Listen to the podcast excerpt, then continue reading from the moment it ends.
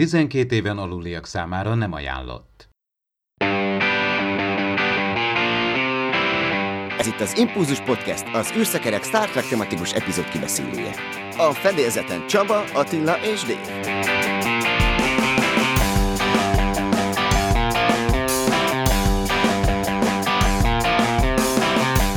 Szervusztok, kedves hallgatók! Az Impulzus Podcast 150. adását hallhatjátok, melyben a Star Trek Discovery 9. epizódját elemezzük a harmadik évadból. Ebben természetesen műsorvezető társaim működnek ismét közre.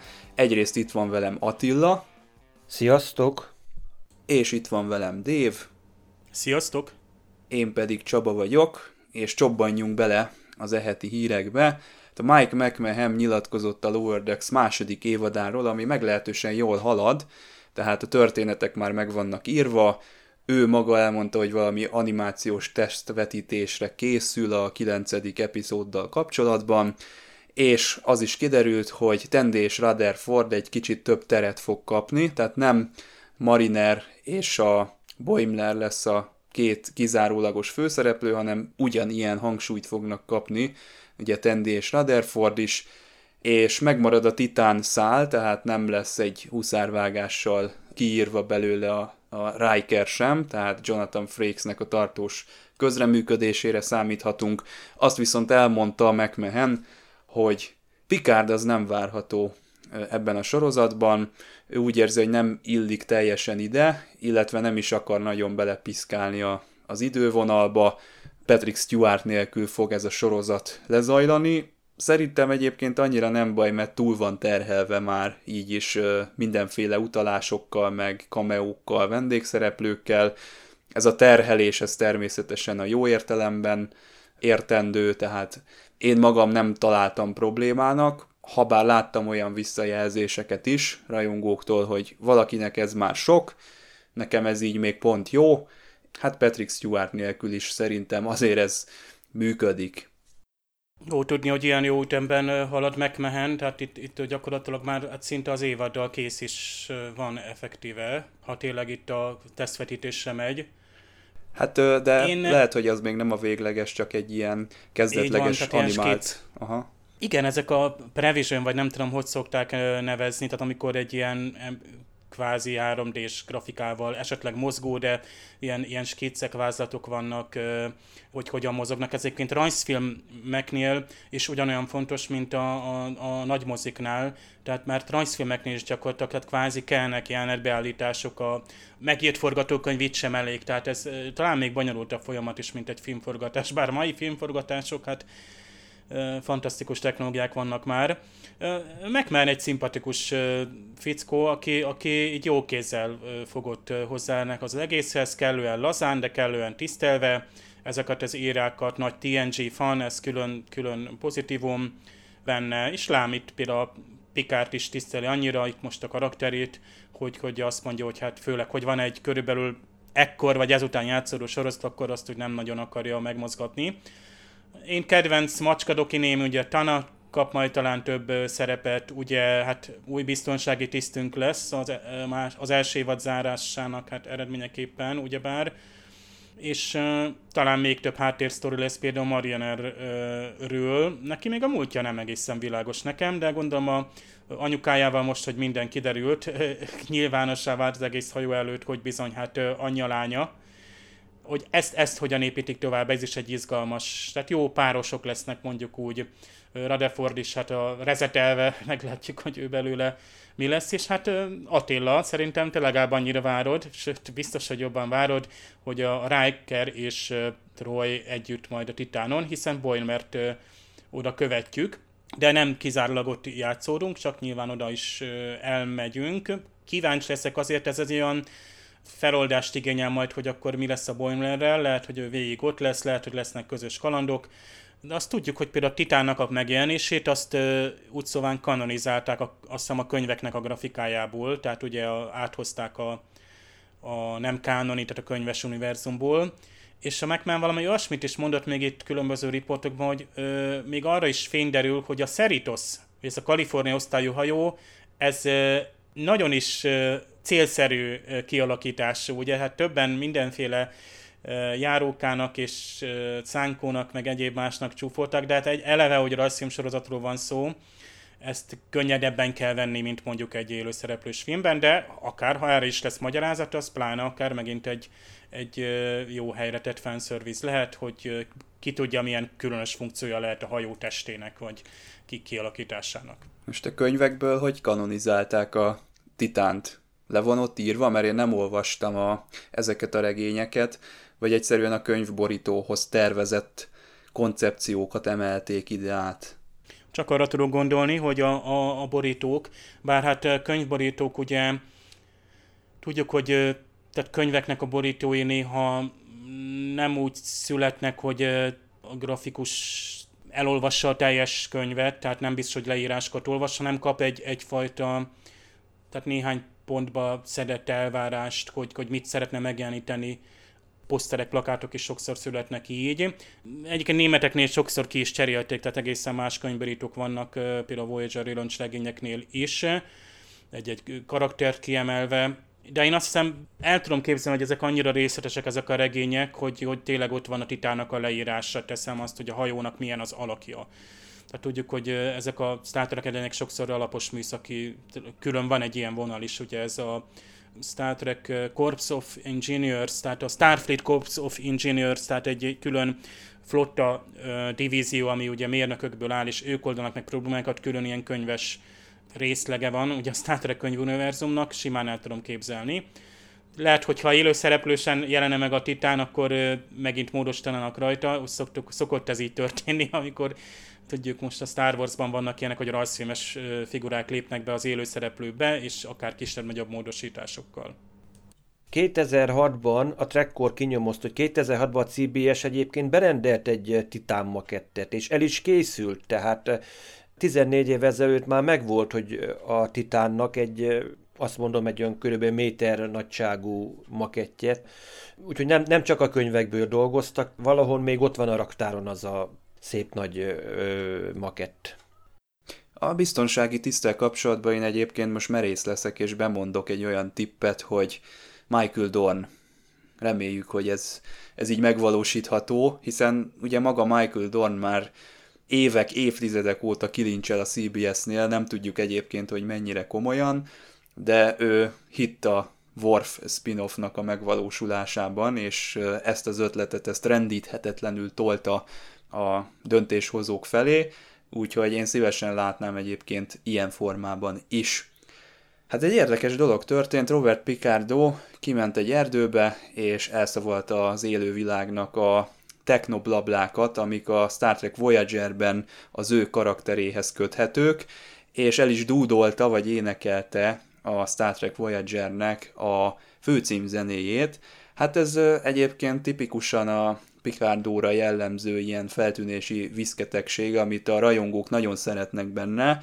Van egy-két ilyen színész a Star Trekből, William Shatner is körülbelül ilyen, de még azért lehetne itt említeni neveket, akik azért mindig csinálnak valami olyan dolgot, ami vicces is, és váratlan is, és Star Trekhez is kapcsolódik. Hát egyébként angolul így meghallgatva ezeket a szövegeket elég komplikáltak és elég bonyolultak, úgyhogy egyrészt dupla respekt magának Picardónak, hogy el tudta mondani ezt annak idején, és most is el tudta őket mondani, mert hát még hallgatni is, tehát ez a se hossza ilyen technikai dolgok, de aztán ezt elmondani, az, az nem lehet kis dolog ezt megjegyezni, és élethűen elővezetni.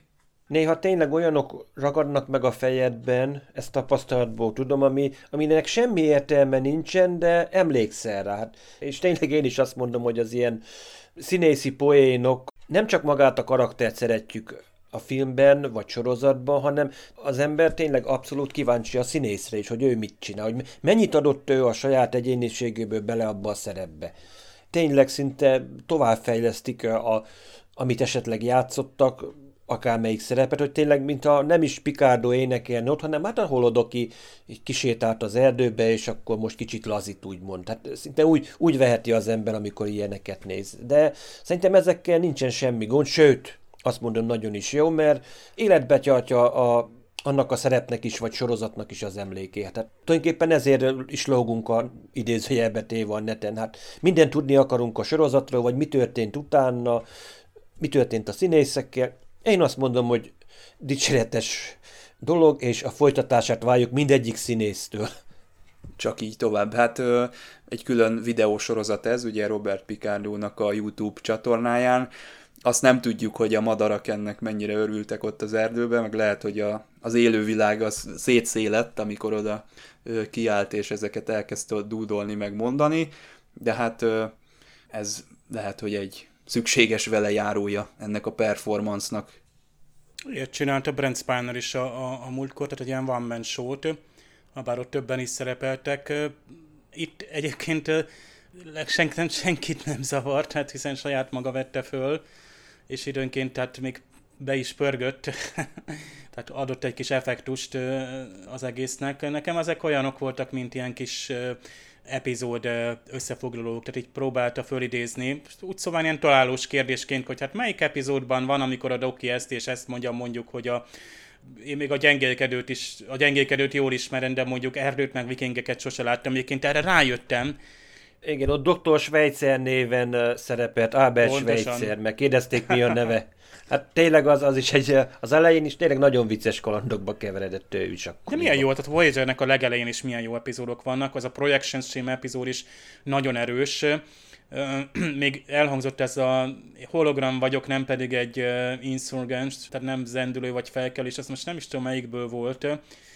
Ja, ott a, a, az a kazanos, amikor a kazanok már elfoglalták, az a dupla rész a Basics, és akkor a Dokinak kell ott akcióznia, ugye Suderrel, az is, egyébként nekem, én szerettem ezeket a kazanos részeket is, az a dupla rész különösen tetszett.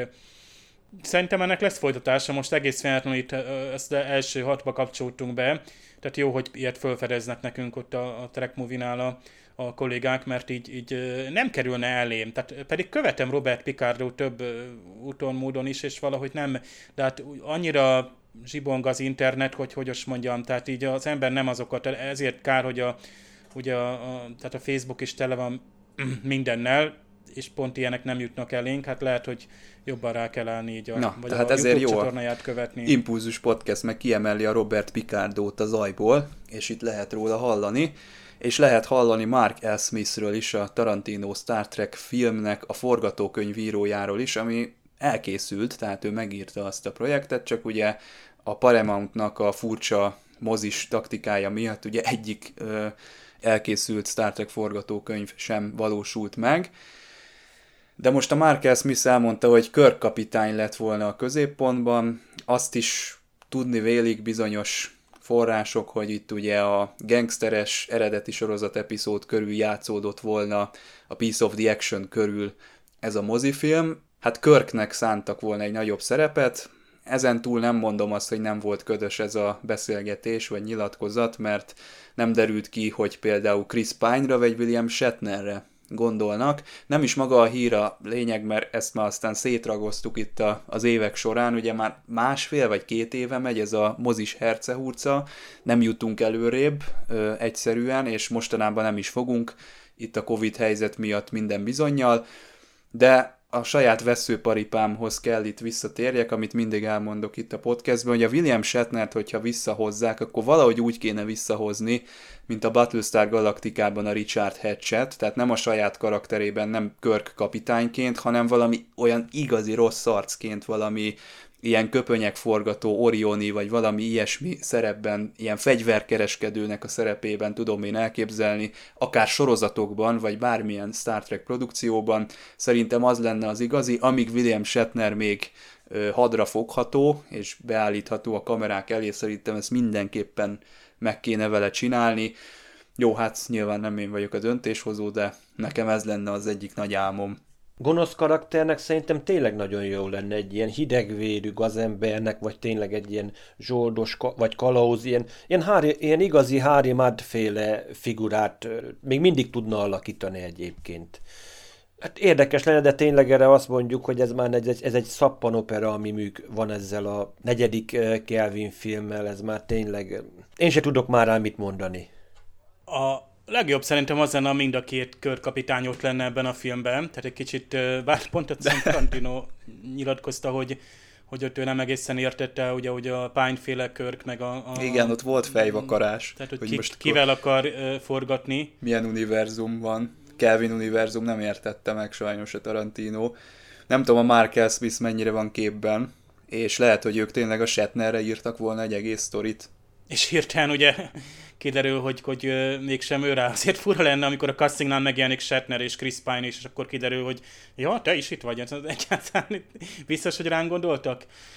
Hát jó lenne ilyen, ha ilyen forgatókönyvek valahogy kiszivárognának legalább, meg ezek a le nem forgatott filmeknél azért ú, az ember de szívesen olvasná, bár nyilván nem akkora élvezet egy forgatókönyv olvasása, mert az mégsem egy regény, meg mégsem egy film, ott, ott nem igazán értelmélesleg minden instrukciót. Egyébként most a Markel Smith-re, ha felugrotok ugye a, a IMDB-re, tehát amellett, hogy azért ő írt olyan filmeket is, mint a, a Revenant, a visszatérő, most például az Éjfél ég, égbolt, a Midnight Sky című science fiction-t írta, amelyik most december 23-án a magyar Netflixen magyar szinkronnal fog megjelenni, George Clooney főszereplésével, itt valami posztapokaliptikus drámáról van szó, a Clooney egy ilyen ősz öregemberként valahol a sarkvidéken tengeti a, a életét egy kislányjal, és egy Most ezt már Netflix nekem be is dobta. Hogy nehogy hazajöjjön.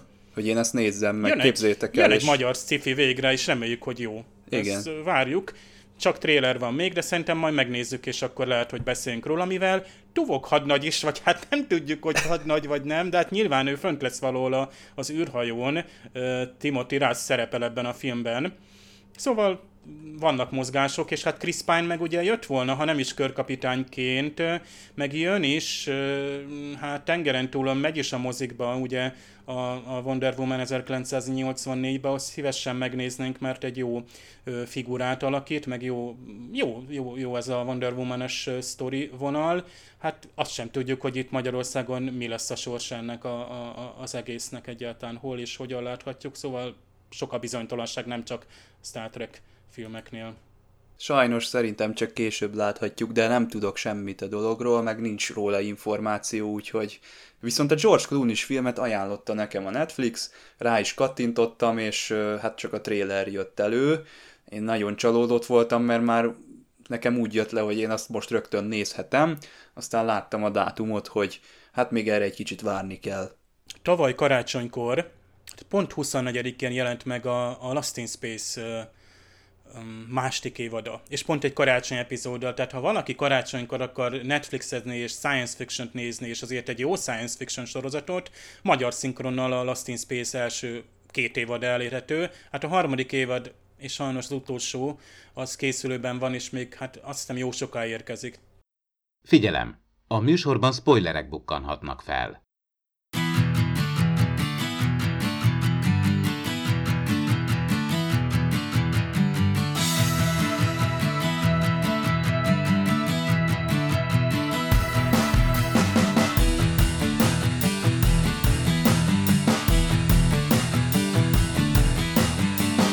Dr. Kalber magától Kovics-tól kér segítséget Giorgio ügyében. Hát lehet, hogy először ezt kellett volna tenni, maga Kovics is ezt mondja, ugye a Kronenberg által alakított rejtélyes karakter, és hát ő bizony képbe hozza a nézőt is azzal kapcsolatban, hogy az időutazás és a dimenzió utazás egyszerre az nem tesz jót a szervezetnek, a molekulák azok úgy vannak összeállva az embernek a szervezetében, hogy hát ezt a kettőt egyszerre nem lehet csinálni.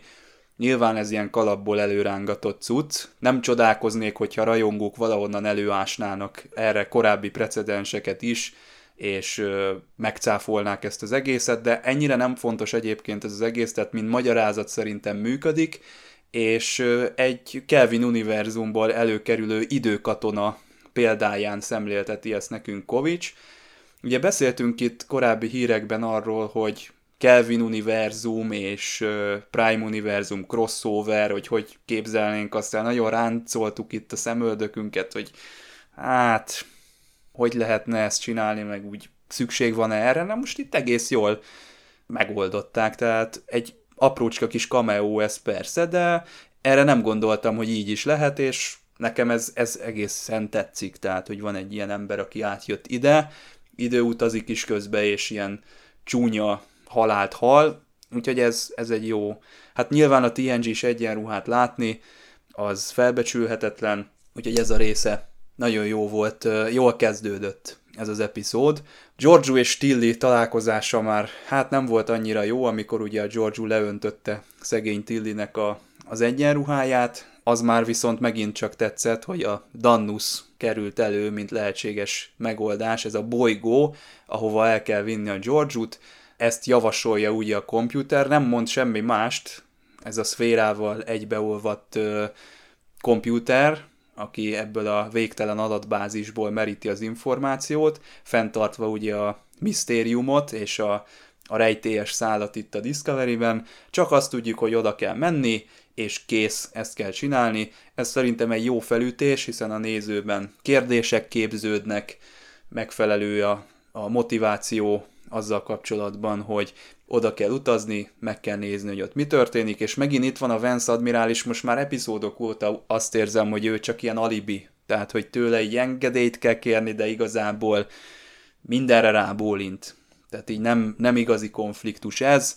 Itt is ugye az a vége, hogy na jó, majd mi megoldjuk ezt a smaragdlánc dolgot, menjen csak oda nyugodtan a Discovery, tehát ezek ilyen kötelező körök, hogy van egy admiralitás, vagy hát egy szem admirális látunk most jelen esetben, aki mégiscsak a döntéseket hozza, mégiscsak azért őt meg kell kérdezni, hogy ez a küldetés engedélyezve van-e, de aztán mindig arra jutunk, hogy oké, okay, ezzel igazából olyan nagy problémák nincsenek. És hát ugye Giorgio és Burnham találkozik a edzőterembe. Ugye azért mondtam, hogy a Tilly és a Giorgio-nak a találkozása sem annyira tetszett nekem, és ez a Burnham Giorgio sem annyira tetszik nekem, mert ez húzva van, mint a rétes tészta, hogy a Giorgio nagyon mogorva, nagyon kiszolgáltatott helyzetben van, és már, már egy kicsit sok belőle szerintem, tehát túl, túlságosan érzékeltetve van, hogy itt már nem komfortos ez a helyzet, és valamit kezdeni kell vele, és ez ilyen nyűglődés már szerintem ez a, ez a Georgiou szál. Én sokkal jobban szeretem az életerős talpra esett Georgiou-t, amikor kellő mértékletességgel ott van a háttérben, ilyen gonosz dolgokat csinál néha, meg nem magyarázható dolgokat, de nem kell ennyire belemászni szerintem az ő pszichéjébe, mint amennyire ezt a sorozat teszi. Mondjuk vicces, hogy uh, tényleg itt Cronenberg itt a végén itt szinte széttárja a karját, hogy hát van megoldás. Hát, hát nincs, és akkor csak a komputer szól, hogy igen, találtam valamit, és úgy tűnik, mert valami olyasmit mondanak, mint hogyha ilyen a, így a temporális háború, meg a bőn előtti adatok egy része el is vesztek volna. Tehát néhány dolog így, amiről nem tudnak, van, amiről tudnak, van, amiről nem. Hát ki tudja, miket semmisítettek meg mondjuk például az, idő, az időháború végén is, hogy ne lehessen valamit összedakni, amit továbbra se értek amit Vance-ről mondó, hogy igen, hogy ő gyakorlatilag tényleg most már olyan, mint a úgymond a klasszikus Star Trek regény sorozat, sorozatban is, hogy igen, admirálisok rábóintanak, hogy mit csinálunk, és tulajdonképpen a kapitány dönt, hogy merre megy, hova megy, mit csinál, tehát én is mondjuk jobban örültem volna egy kicsit sarkallatosabb, hogy akár mondjuk egy küldetésem mondjuk maga a Vance admirális a idézőjelbe tett főnök, hogy ott áll Szaru mellett, mondjuk maga Vance old meg valamit, és akkor Szaru tulajdonképpen úgymond meg a legénység végzi a házi feladatát. Hát úgy, mint ahogy tulajdonképpen egy ilyen Pike típusú, ilyen beugró karakternek tudtam volna elképzelni, hogy ilyen szerepbe tündököljön, hát nem tudjuk, hogy mi lesz, esetleg mondjuk a negyedik évadban esetleg nem ellátunk valami hasonlót, ha a Discovery itt marad egy gyönyörűen ebbe a 32. században. Hát itt már tényleg nem lehet tudni, hogy, hogy hol marad, melyik időségben, bár ugye ezzel a tudással visszatérve már eleve itt a szféra tudása.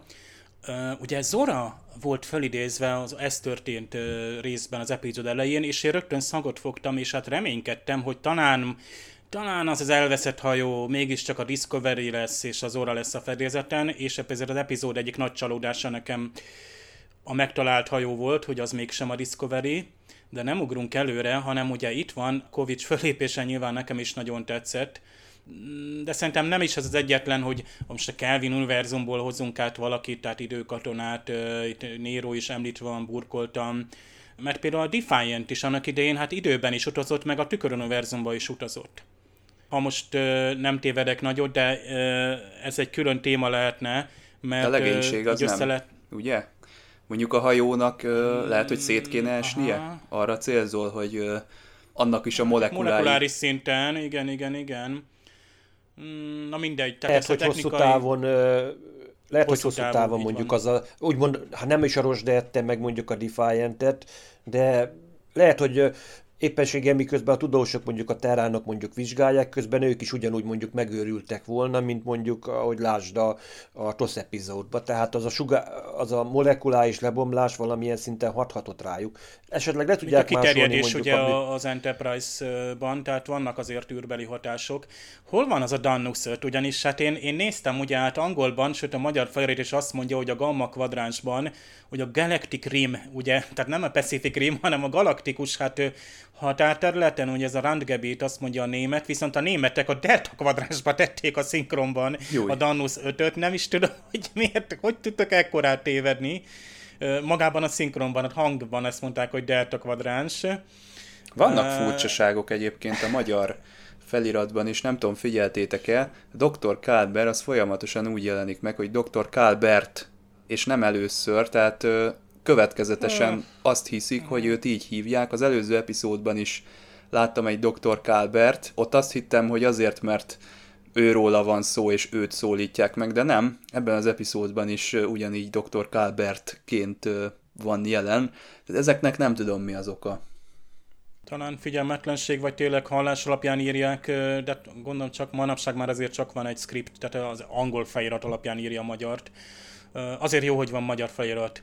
Szaru, a többség érdeke fölírja az egyénét, és nagyon csillagfotás akar lenni. Egyébként a Bookerrel való párbeszéd is nagyon csillagfotás, túlságosan is, a Booker segítőkészségét is elnyomja. Tehát őt sokkal finomabban kéne beéleszteni a, a legénységbe, vagy a segítségét elfogadni, tehát kicsit rideg volt ott a saru, vagy túl protokolláris. Hát vagy ilyen Jedi, És pont olyan volt, mint egy ilyen Yoda, aki leinti a, a padavant, hogy nyugalom, majd eljön a te időd, nem kell itt ugrálni. Igen, mint a Jedi mesterek is csak ülnek ott a nagy tanácsban, és más nem csinálnak, csak ülnek, és különböző Yoda is ismételgeti a, a Ted vagy ne tedd, ne Osztják az próbáld. észt. Osztják az észt, így van. Ez volt a Jedi hibája, hogy nem vették észre ugye időben a, a dolgokat. Még egy dolgot, hogy a Vance tényleg egy kicsit gyenge lesz, sőt a németben azt mondja, hogy Alterháze, tehát öreg nyúl, de itt csak olyan értelemben mondja magáról, hogy hát bizony ő, ő is hozott döntéseket, amiket lehet, hogy később megbánt, és jobb, ha szarú azért inkább segít, bárkiről is legyen szó, de a legénység tagja, mert később a legénység megsínli, vagy másként néz rá, meg ő is megbánja ezt a döntést. Tehát szarúnak van még mit tanulni. Na hát el is búcsúznak itt a Georgiou-tól. Ugye egyrészt a Saru, másrészt a Tilly. Nekem ez egy kicsit furcsa volt ez a búcsú, túl érzelmes, de nyilván azt próbálják itt a készítők nekünk érzékeltetni, hogy azért a Giorgio nem megy el nyom nélkül ebből az univerzumból, akárhol is fog majd kikötni a, ennek az egész történetnek a végén. Biztos, hogy hatással van rá az, ami itt történik, de valamennyire az az érzésem azért, hogy Giorgio ebben az univerzumban nem találja a helyét, ide túl vad, túl nyers, túl goromba, túl gonosz, itt nem élhet, nem csak azért, mert molekuláris szinten tönkre megy, de az ő habitusa sem stimmel itt, és most egy kicsit úgy érzem, hogy ahova kerül, még nem spoilerezzük le, hogy hova kerül, de ott meg azért nem fogja megállni majd a helyét, mert ez a világ megfertőzi őt, és, és már úgy viselkedik, mint egy itteni személyiség, úgyhogy ez egy eléggé nagy dilemma, ami itt ö, kialakul a karakterek körül. Na mindegy, majd nem sokára odaugrunk, és akkor meglátjuk, hogy mi lesz vele. Még annyit előtte itt érdemes megbeszélni, hogy Dave már említetted, hogy egy Hát kelpiai hajóról van szó, de hát ugye a kelpiaiak ö, tagjai a föderációnak, úgyhogy mondhatjuk azt is, hogy föderációs hajó kelpiai legénységgel, vagy legalábbis egy kelpiai biztos, hogy van itt a legénységben, és nem tudunk meg túl sok mindent, tehát ez csak egy ilyen hát ilyen mézes madzag a néző előtt, vagy ö, egy ilyen kis emlékeztető, hogy hé, hello, itt van még ez a történetszál is, nem felejtettük el, most még ezt a dupla epizódot bírjátok ki, ami még a George ról szól, és akkor utána majd megyünk a rejtély után, ami nekem is kicsit csalódás, hogy nem a Discovery van ott, de ettől még lehet érdekes, tehát fenntartom a lehetőségét annak, hogy azért kitalálnak majd valami olyat, hogy letegyük a hajunkat itt a Burn keletkezésével kapcsolatban. Egy apró érdekessége van Dr. Issa karakterének, méghozzá ő, hogy ő valójában Sirana, pontosabban az őt alakító Hannah Spears színésznő térít vissza. Hát szaru gondolom, ha így lett volna megírva, jó nagyot nézett volna, de hát nyilván a sztori nem úgy van megírva, tehát nem Szirana van itt, hiszen hát óriási időbeli távolság van, de minden esetre ugyanaz a színésznő jött vissza. Lehet, hogy praktikus okokból például a maszk már rendelkezésre állt, bár nem tudom, hogy például egy amerikai nézőt mennyire tudnak átverni. Egyébként pont most ugye a Ready Roomban, hát ott volt ugye Iriam, és nem a Hannah Cheeseman féle, hanem ugye a, mm, az Iriamot és a Hát kettő szerepben van, ugye... Sarah Mitic-re gondolsz? Sarah Mitic, aki első évadban Iriam, aztán most a Nilsson hadnagy lett a hosszú szőkehajó hadnagy, aki egyszer csak megjelent a másik évadban, pont az Iriam elvesztése utáni epizódban, és hogy mindenki ránézett, mintha Iriam szellemet élt volna vissza, nyilván nem ez volt benne a történetben, de valahogy kicsit ezt azt hiszem szóvá is tették most, hogy, hogy nagyon érdekes. Visszatérnek emberek, a Linus is dupla szerepben volt, és még nem is tudom ki, de biztos, hogy ez egyébként Star Trekben bevett, hát Jeffrey Combsra gondoltak, akkor ő hány szerepben volt, vagy Von Armstrong.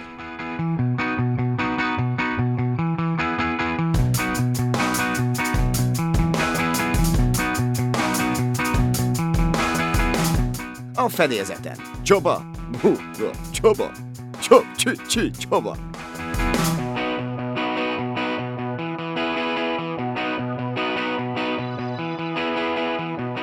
Na hát itt van a Star Trek univerzum hot bolygója, vagy valami hasonló, és itt van egy nagyon rejtélyes figura, aki egy átjárót ajánlna Georgiunak. Ez a figura nagyon jó volt egyébként, és először azt hittem, hogy majd egy ilyen időügynök lesz, vagy valami nem tudom mi, de hát ez nem derült ki, nem is baj egyébként. De azon felül, hogy jó volt ez a karakter, meg jó volt ez az egész körítés, kicsit ilyen sok hűhó semmiért a dolog, mert hát ott van egy ajtó, mi mást kéne csinálni, mint hogy bemenni rajta. Tehát ez kicsit ilyen, még egyszer körbejárjuk a problémát, még egyszer pszichologizálunk egy kicsit, még egyszer a mélyére nézünk a, ennek az egész nyüglődésnek. Ilyen szempontból nem tetszett, viszont kellőképpen misztikus volt. Igen, mert tulajdonképpen itt is az, hogy felkínálom, hogy a piros tabletta vagy a kék tabletta. Tehát amikor mutatja az újságból, hogy igen, hogy George császárnő meghal. Igen, ez, az, ez a holnapi újság, úgyhogy semmi gond, úgyhogy tényleg így Kálnál nem tudtam most eldönteni, hogy most ő mi lehet. Mondjuk három variáció lehetne, szerintem. Egyik az, azt mondom, hogy egy, az egyik Q, aki azóta itt ez a pár, pár száz év alatt, ez a 900 év alatt úgy döntöttek, hogy nem mindenki Q-nak nevezi magát, és akkor na azt mondja, hogy én akkor Kál vagyok, de hiányolom mondjuk a csettintést. A kettő, létezik valami szuperfaj, amit itt ö, időnként megjelennek, tehát ö, nem a Q Continuum az egyetlen ilyen szuper civilizáció, ami így esetleg megfigyel minket, vagy esetleg be is segít, vagy pedig a harmadik variációra tudnék gondolni, hogy lehet, hogy Karl valójában úgymond az homo sapiensnek egy ilyen távoli leszármazottja, hogy ők már nem, nem anyagi lények, hanem ilyen nem tudom, valamilyen energiaformával, egy, mint a kyúk átalakultak, és ők tulajdonképpen így a, a múlt, távoli múltba bárhol felbukkanhatnak, és figyelnek, úgymond, hogy nem avatkoznak be, hanem csak figyelnek. Olyanok, mint a Paul Anderson féle időjáró ciklus könyvekbe a Danellik, akik ott vannak valahol a távoli jövőbe, és ők hozták létre a, azt az idő rendőrséget, ami felügyeli a múltat, hogy ne piszkáljanak bele semmi. Lehet, hogy, lehet, hogy Kál is valami, valamikor a távoli, nagyon-nagyon távoli leszármazottjai az emberiségnek. Tehát e, bármelyikét tudtam volna gondolni, hogy nekem ez, ez jutott róla eszembe. és Burnham nyilván megpróbálja ugye racionálisan hát bemérni, hogy itt, itt mi van és mi nincs. Én science fiction rajongóként imádom ezt, tehát amikor nincs megmagyarázva, tehát ez egy nagyon-nagyon jó alaptopik, hogy egyszer csak ott van egy ajtó, egy portál, egy kapu, egyszer csak ott ül egy, egy különös öreg fickó a hóban, és olvas egy újságot a holnap ö, galaktikus híreivel. Rengeteg dolog eszembe jutott, tehát nekem például a, a Stargate SG-1-ban emlékeztek, amikor Daniel Jacksonnak ugye dönteni kellett, ugye felemelkedés vagy visszatérés, és akkor ő egy ilyen kozmikus bistróban, ugye Astral dinerben volt, vagy nem is tudom, ilyen útszéli csárdában, ahol ugye ott volt például ugye az Oma Dessala felemelkedett nő, sőt, még Anubisnak is egyszerű egy ilyen öregemberként ott volt, és olvasták a Tomorrow's News Today című újságot, ahol még a Daniel Jacksonról magáról is írtak. Tehát mintha innen vették volna ezt a alaptémát, de hát a másnapi újság olvasása egy nagyon kedves sorosztot is eszembe juttatott, ez ugye Kyle Chandlernek volt ugye a kiválasztott az amerikai látnok Early Edition, ott a cica hozza minden reggel neki a másnapi újságot, és barátaival próbálja ügyes bajos dolgokat megmenteni a másnapi ilyen balesetekből, stb. Meg hát Narniáról se feltkezünk el, ahol ugye ruhásszekrényben léptünk át egy hófötte teljesen másik országba nekem ez teljesen rendben van. Tehát igen, lehet Q, lehet egy felemelkedett, egy, vagy egy magasabb szintű lény, aki így manifestálódik, és, és úgymond rávesz a, a George-ot, igazából visszahelyezi, hogy most hova, miként, időben is, valóságban is, alternatív, vagy tényleg itt megváltozik majd a, a, a jövő, ezt egyszerűen nem lehet még eldönteni, de biztos, hogy nem hiába foglalkozott ilyen sokáig az epizód ezzel, sőt dupla epizódot építettek erre, mert amúgy a magam részéről én az első évadban lezártam, és már ott is soknak tartottam a, a Discovery féle, mármint a Discovery ábrázolásmóddal bemutatott tüköruniverzumot. Nekem túl erőszakos, túl sötét, és tudom, hogy óriási fan, hogy a karakterek ezt játszhatják, például a ruhák megalkotása, a díszletek, a jelmezek, a kiforult egyeniség, de nekem egyszerűen nem tetszik. Tehát ez ami nem tetszik a Discovery-ben. Tehát még ugye a toszban esetleg a Dispace-nál belefért nekem. Itt abszolút, itt, itt egyszerűen már, már, már, már undorodtam tőle, tehát annyira rossz volt nézni az epizódnak a további részét, mikor, főleg mikor rájöttem, hogy végig erről szól, és még a következő epizódban is. Én azt hiszem 5 percet ott töltünk, megoldunk valami Georgia múltjában, esetleg előjön ez a Sun, vagy valaki, aki állítólag ugye még a 31-es szekciós múltjából, tehát ebből az univerzumból, amikor besorozták őt a 31-es szekcióba, és ott ő, vele kapcsolatban kell valamit megoldani, mert valami olyasmiről szólt a, a látomás, hogy volt a Sun nevét kiáltotta, aki valami barátja volt, vagy pasia, a tükör univerzumban és állítólag egy regényben ugye az itteni univerzumban is találkozott első és második évad között, tehát kicsit bonyolult, hogy most mire akarnak kimenni, hát reméljük, hogy valami jó és nagy plot lesz ebből, mert úgy érzem, hogy nagyon előre van tolva a George karaktere, és már őről a szól és forog minden, ha eddig a Burnhamről, és nem is beszélve Burnhamnek, hát ez a görcsös ábrázolás, amivel a tüköruniverzum beli mását, hát azt jobb lett volna nem látnom. Tehát most ez egy nagy csalódás volt ez epizód, ez a mély, mély pontja volt az egész Discovery-nek, tehát ha nem az lennék, akkor föl is adtam volna az egész sorozatot.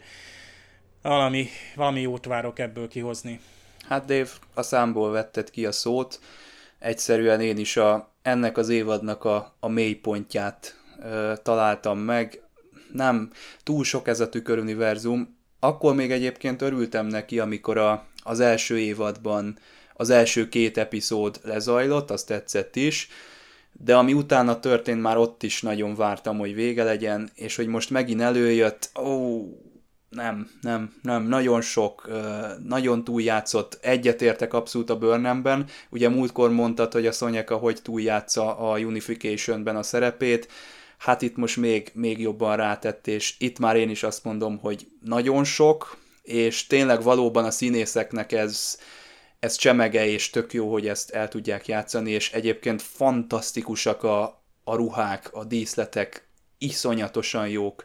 Görsa Philipsnek a, a munkája az valami elképesztő, de ahogy megtöltik ezt tartalommal, és ahogyan elő van ez az egész adva, ne, nekem is nagy, nagyon nagy nyűglődés és nagyon nagy szenvedés, és alig tudtam megnézni, ugye itt a podcastekre készülve kétszer szoktam általában megnézni az epizódokat, másodszorra már nagyon gondolkoztam rajta, hogy nem nézem meg csak a feléig. Sok, sok, sok, sok, sok. Egyszerűen ennyi tüköruniverzumra nincsen szükségünk. Működik szerintem egyébként a Star Trekben a tüköruniverzum, akár itt a Discovery-ben is, de sokkal kisebb adagokban és sokkal jobb ízléssel adagolva ez így nagyon-nagyon eltelített engem is, és várom már nagyon, hogy vége legyen, mondjuk nem zárkózom el attól, hogy a következő részben esetleg történik valami olyan csavar, ami aztán feje tetejére állít mindent, és engem is meggyőz, de egyelőre én is azt mondom, hogy legyünk már túl ezen a szálon. Hú, nekem mondjuk Burnhamnek az a szájrúzsa, az, az egyből kiütötte a biztosítékot, látjuk, hogy azért úgymond a, olyan univerzum abba az időszakban térünk vissza, mielőtt a, tulajdonképpen a ő felsége úgymond át, eh, átköltözteti úgymond a trónját, a, majd arra az ászlós hajóra. Igen, tehát itt nem teljesen a múltba megyünk vissza, hanem egyfajta ilyen, tehát a George szabadon alakíthatja most a történéseket elvileg, nem egy visszaemlékezés látunk egy az egyben hogyha jól értettem. Igen, kapott egy illúziós környezet, mint azt mondjuk, hogy a holofedélzet rement volna, úgymond, mint, a, mint amikor Barkley elmegy a holofedélzetre, mert problémája van. Itt most tulajdonképpen itt egy valami hasonlót kapott. De megfigyeltétek, Kábernek például azt hiszem, mint a vörös egyenruha lett volna ugye ez alatt a melvért alatt. Ezt az, nem értettem. Az volt. Jó, mondjuk van, akinek örültem, hogy visszatért, jó, régi hát... mozifilmes admirál, és én is azt hittem, hogy te jó ég, mit keres ott, és azt hittem, hogy ez lesz a megoldás, hogy itt, itt valami idősíkok keverednek, meg, de hát aztán láttam, hogy ő csak simán az orvosi ö, egyenruhában ö, van, vagy tíz egyenruhában. Még a jó, TNG-nek ez hát... a Royal, hát mondjuk jobb, még, még lehet, hogy még jobb, mint a fehér egyébként. TNG Royal című epizódjára emlékeztek, ott, ott is egy kényszenvedés volt gyakorlatilag Hú, ugye, jó epizód a pilóta, aki ott egyébként nem, nem, nem nekem volt az, hanem a pilótának volt, hogy újra és újra azt a story végig. Amúgy egy zseniális science fiction epizód, ez ilyen hardcore sci-fi. Ezt egy novellaként tudom elképzelni, hát a TNG tele van ilyen részekkel. Tehát, hogy ott van egy forgóajtó, bemész, ott van meg, meg is illúzió vagy valóság, emlékszem, hogy hátborzongató az az egész rész egyébként, és amikor megtudjuk, hogy egy, most el sem mondjuk, hogy mi is ennek a lényege, hát ha valaki most TNG nézés előtt van, és még azt hiszem másik évados talán, tehát azért vannak gyöngyszemek ott az elején a TNG-nek bőven. Hát nagyon rátapintottál, és... Dévén, az, az az epizód húzott be engem a, a TNG-be. Úgyhogy az az, az ős, ős forrása az én itt létemnek. Hú itt is valami ilyesmit képzelek el, hogy gyakorlatilag egy interaktív, hogy Attila, te azt mondod, hogy ilyen holografikus lenne ez a, vagy hogy mondjam, tehát ez csak egy illúzió, de Csaba, te meg inkább arra utaltál, hogy itt, itt, itt tevékenyen tudsz változtatni, szerintem csak akkor van ennek az egész, hogy mi nézőként ezt végig szenvedjük még egyszer, mert tényleg nekem is egy szenvedés, hogy én tényleg én sem akartam másodszor végignézni, én bevallom, én finoman, finoman átsiklottam már a másik nézéskor, így, így nagyon puhán Egyébként a Netflix gyorsító funkciója is ott közben. van. Nem, nem, mondom, a Netflixnek is van ez a begyorsító gombja, de, de, de, nem, azt szerintem elég buta. Olyan vesszük mi a hangot. feladatot azért. Star Trek nézésben nem ismerünk kompromisszumot. Na most annyira, hogy a, a, az alkotók szerintem le akarták zárni annak a tüköröverzumot olyannyira, hogy hát kvázi kánonig mellékszálként született egy képregény, Succession, vagy nem tudom, hogy kell pontosan ejteni, azt hiszem három vagy négy füzetes képregény, ami azután játszódik, hogy a, hát a Giorgio elment a tüköruniverzumból, tehát bőven ezen események után, és ott, ott mm, nem mondjuk el, de úgy szóval mellékkaraktereknek jutnak, tehát úgymond küzd, küzd mindenki a hatalomért. Egyébként annyit elmondok, ott, ott is ott találkozunk Michael Burnham-mel, tehát a tükör, és ott is egy bizonyos jellemfejlődés megy végbe.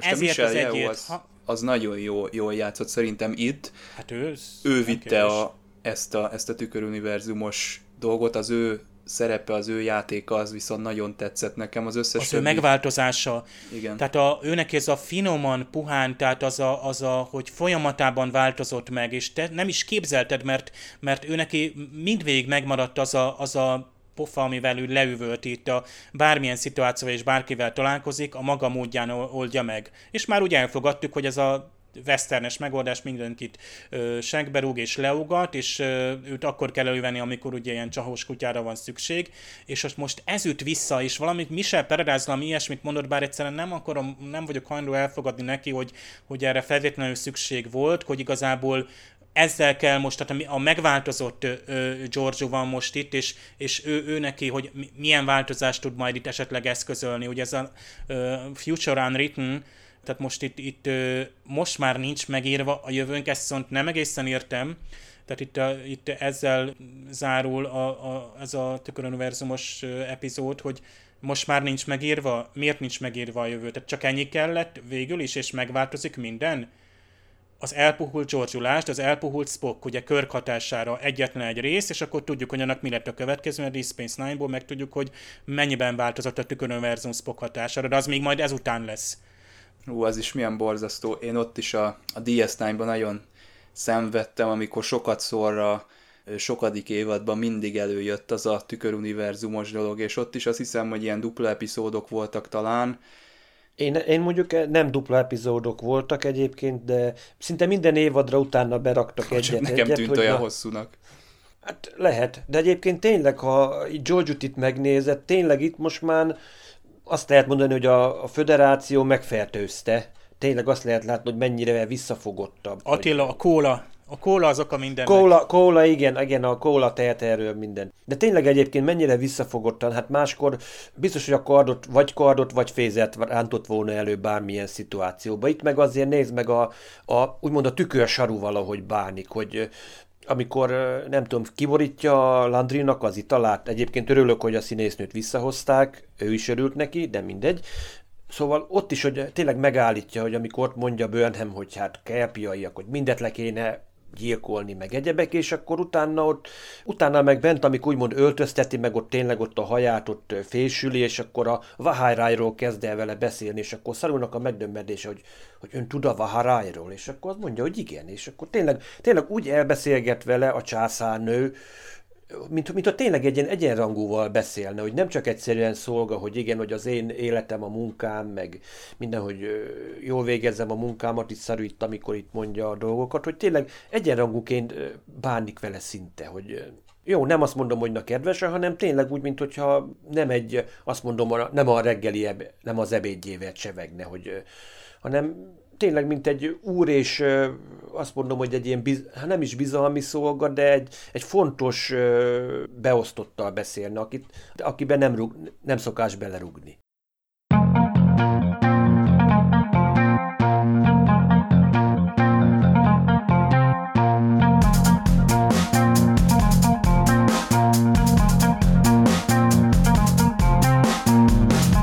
Hát az eredeti sorozatban én minden másodpercét élveztem a tüköruniverzumos epizódnak, és a Star Trek Continuous-ban is. Itt tulajdonképpen ennek a témának a túlnyújtása és túlragozása az, hát nem tesz jót sajnos a sorozatnak, de mondjuk ez teljes egészében a magánvéleményem.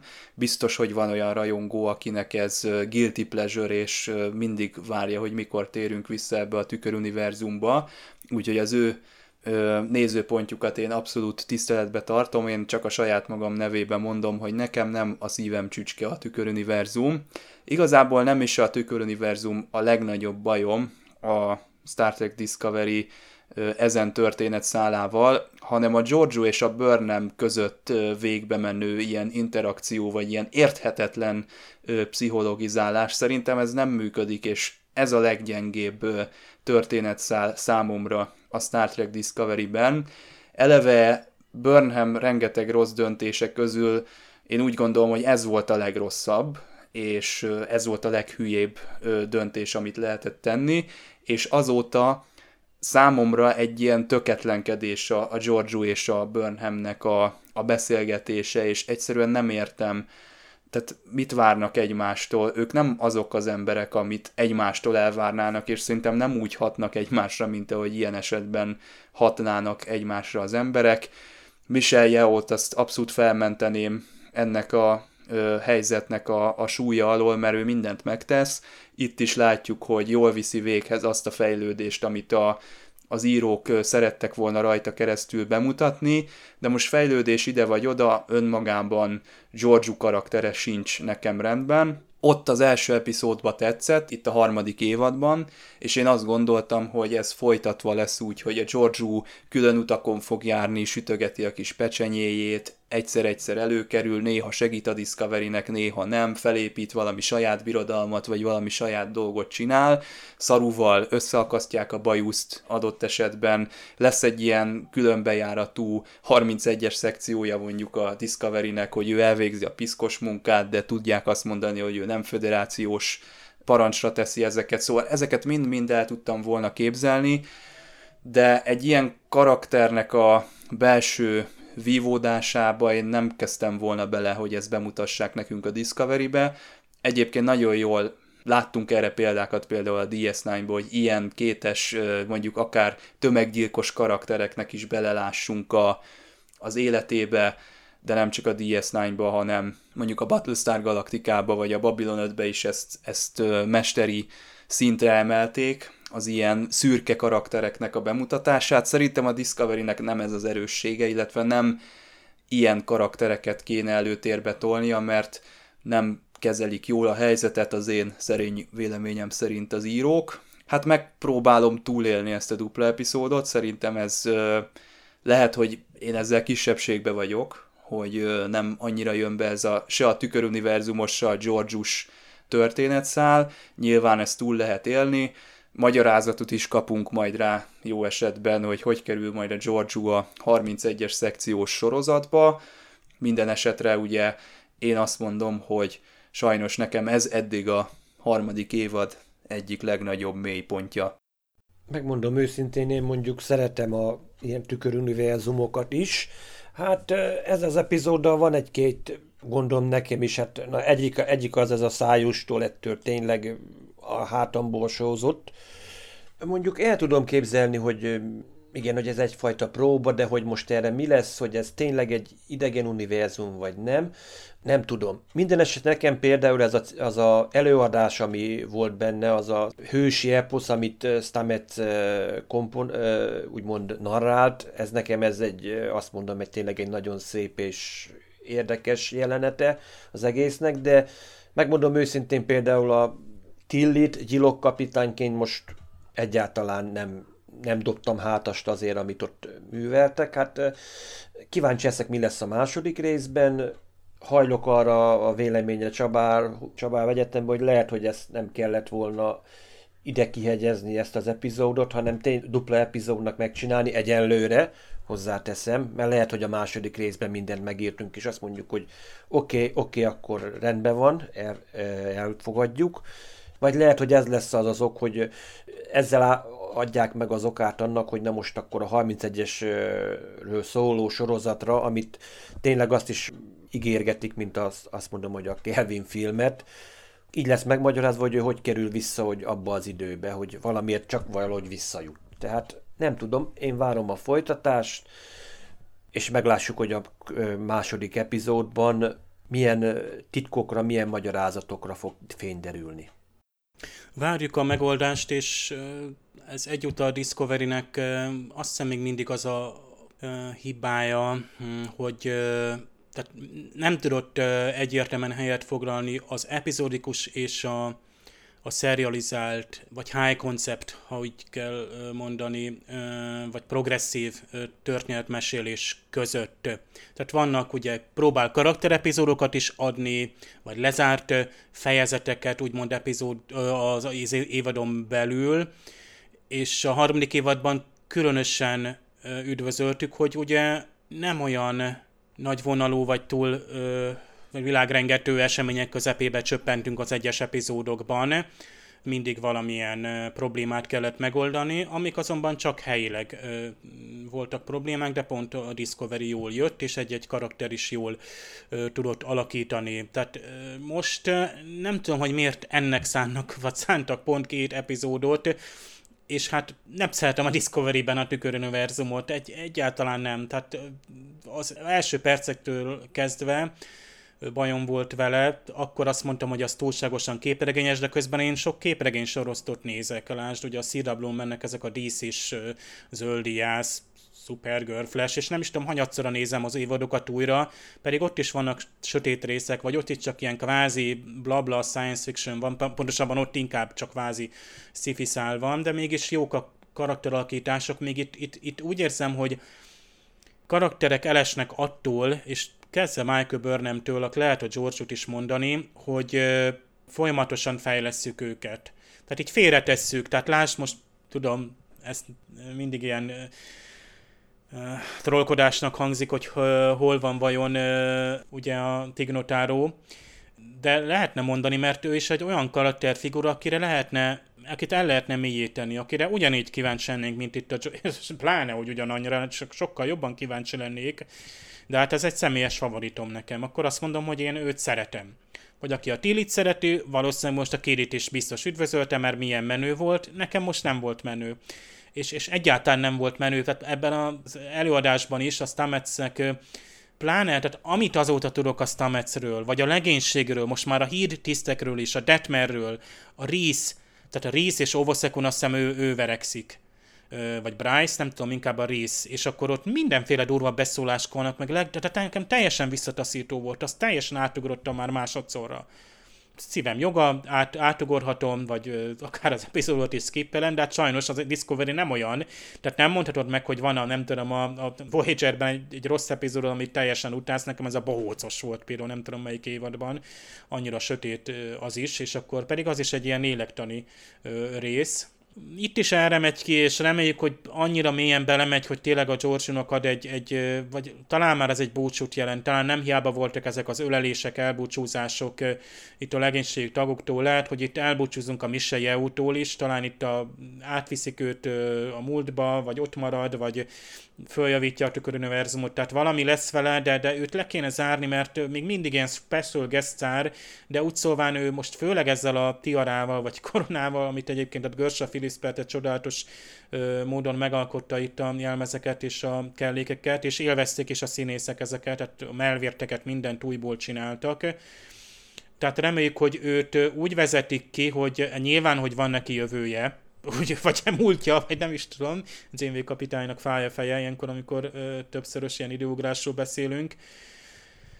Túl sok belőle a karakterből, túl sok a tüköruniverzumból, szeretnék többet látni most ö, a, akár a Saruból, Stamets és Adira, igen, Tignotaro, igen, igen, az igazi Paul Stamets, az igazi Dr. Kalber, vagy Kulber, ő, őket akarom látni, mert már őket ismertem meg, és most azt mondom, hogy a másik év vannak ezen szakaszában, ami azt hiszem a Vörös Angyal című rész volt, egyébként az a tizedik rész volt, ugye, ott már többet tudtunk, és jobban tetszett az a sztori, amit szépen epizódikusan előkészítettek, és ott éreztük, hogy nem hiába van, az egész, ugye meglátogatunk különböző helyszíneket, felbukkan a Vörös Angyal, és a végén ott van nagyon szépen lezárva, hogy miért kellett felbukkanni, vagy hogy bukkant vele a Vörös Angyal, mert aztán újból végig kell csinálnia. Borzasztóan tetszett az a, az a lezárás.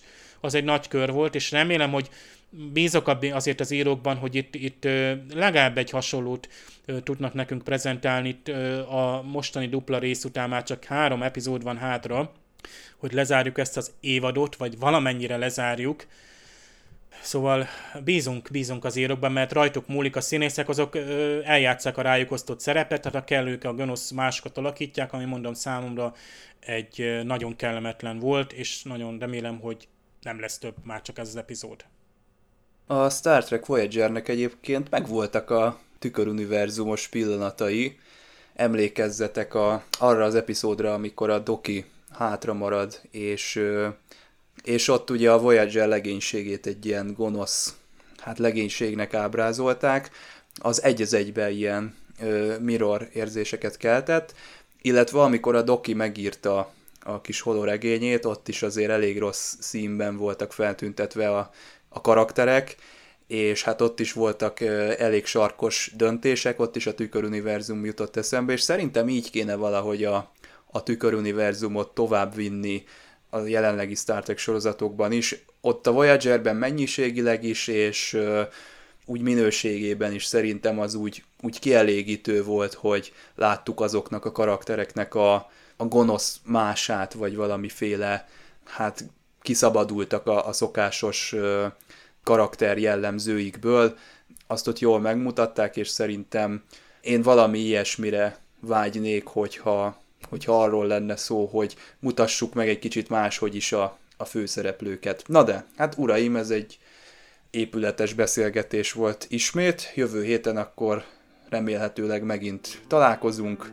Kedves hallgatók, tartsatok akkor is velünk. Most a műsorvezető társaim nevében is megköszönöm a figyelmet. Sziasztok! Sziasztok! Sziasztok! Ja,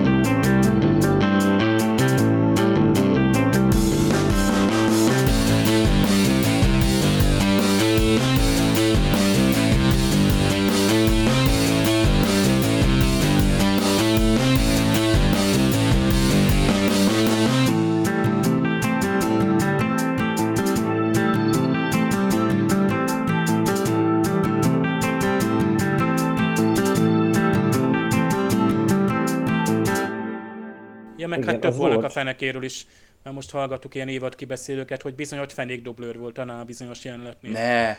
Tehát bizony Ez nem az ő segge. csalódással. Hát, Nem, nem Jolene Blaylock segge. basszus kulcs. Le. akkor egy, vilá, egy világomlott össze. Miért kellett ezt elmondanod Csabának? Hát most egy világomlott össze benne. Hát ez Amúgy én ezt a hihetetlen. tüköruniverzumot ehhez hasonlítom, hogy amikor ilyen alsó kiskatyákba mászkálnak a szereplők, akkor, akkor én mindig azt mondom, hogy hát tehát minden réteget gyakorlatilag ki kell elégíteni, tehát Az Enterprise az nagyon ráment, igen, er- ezekre a kisgatyás, meg fehérneműs Igen. jelenetekre.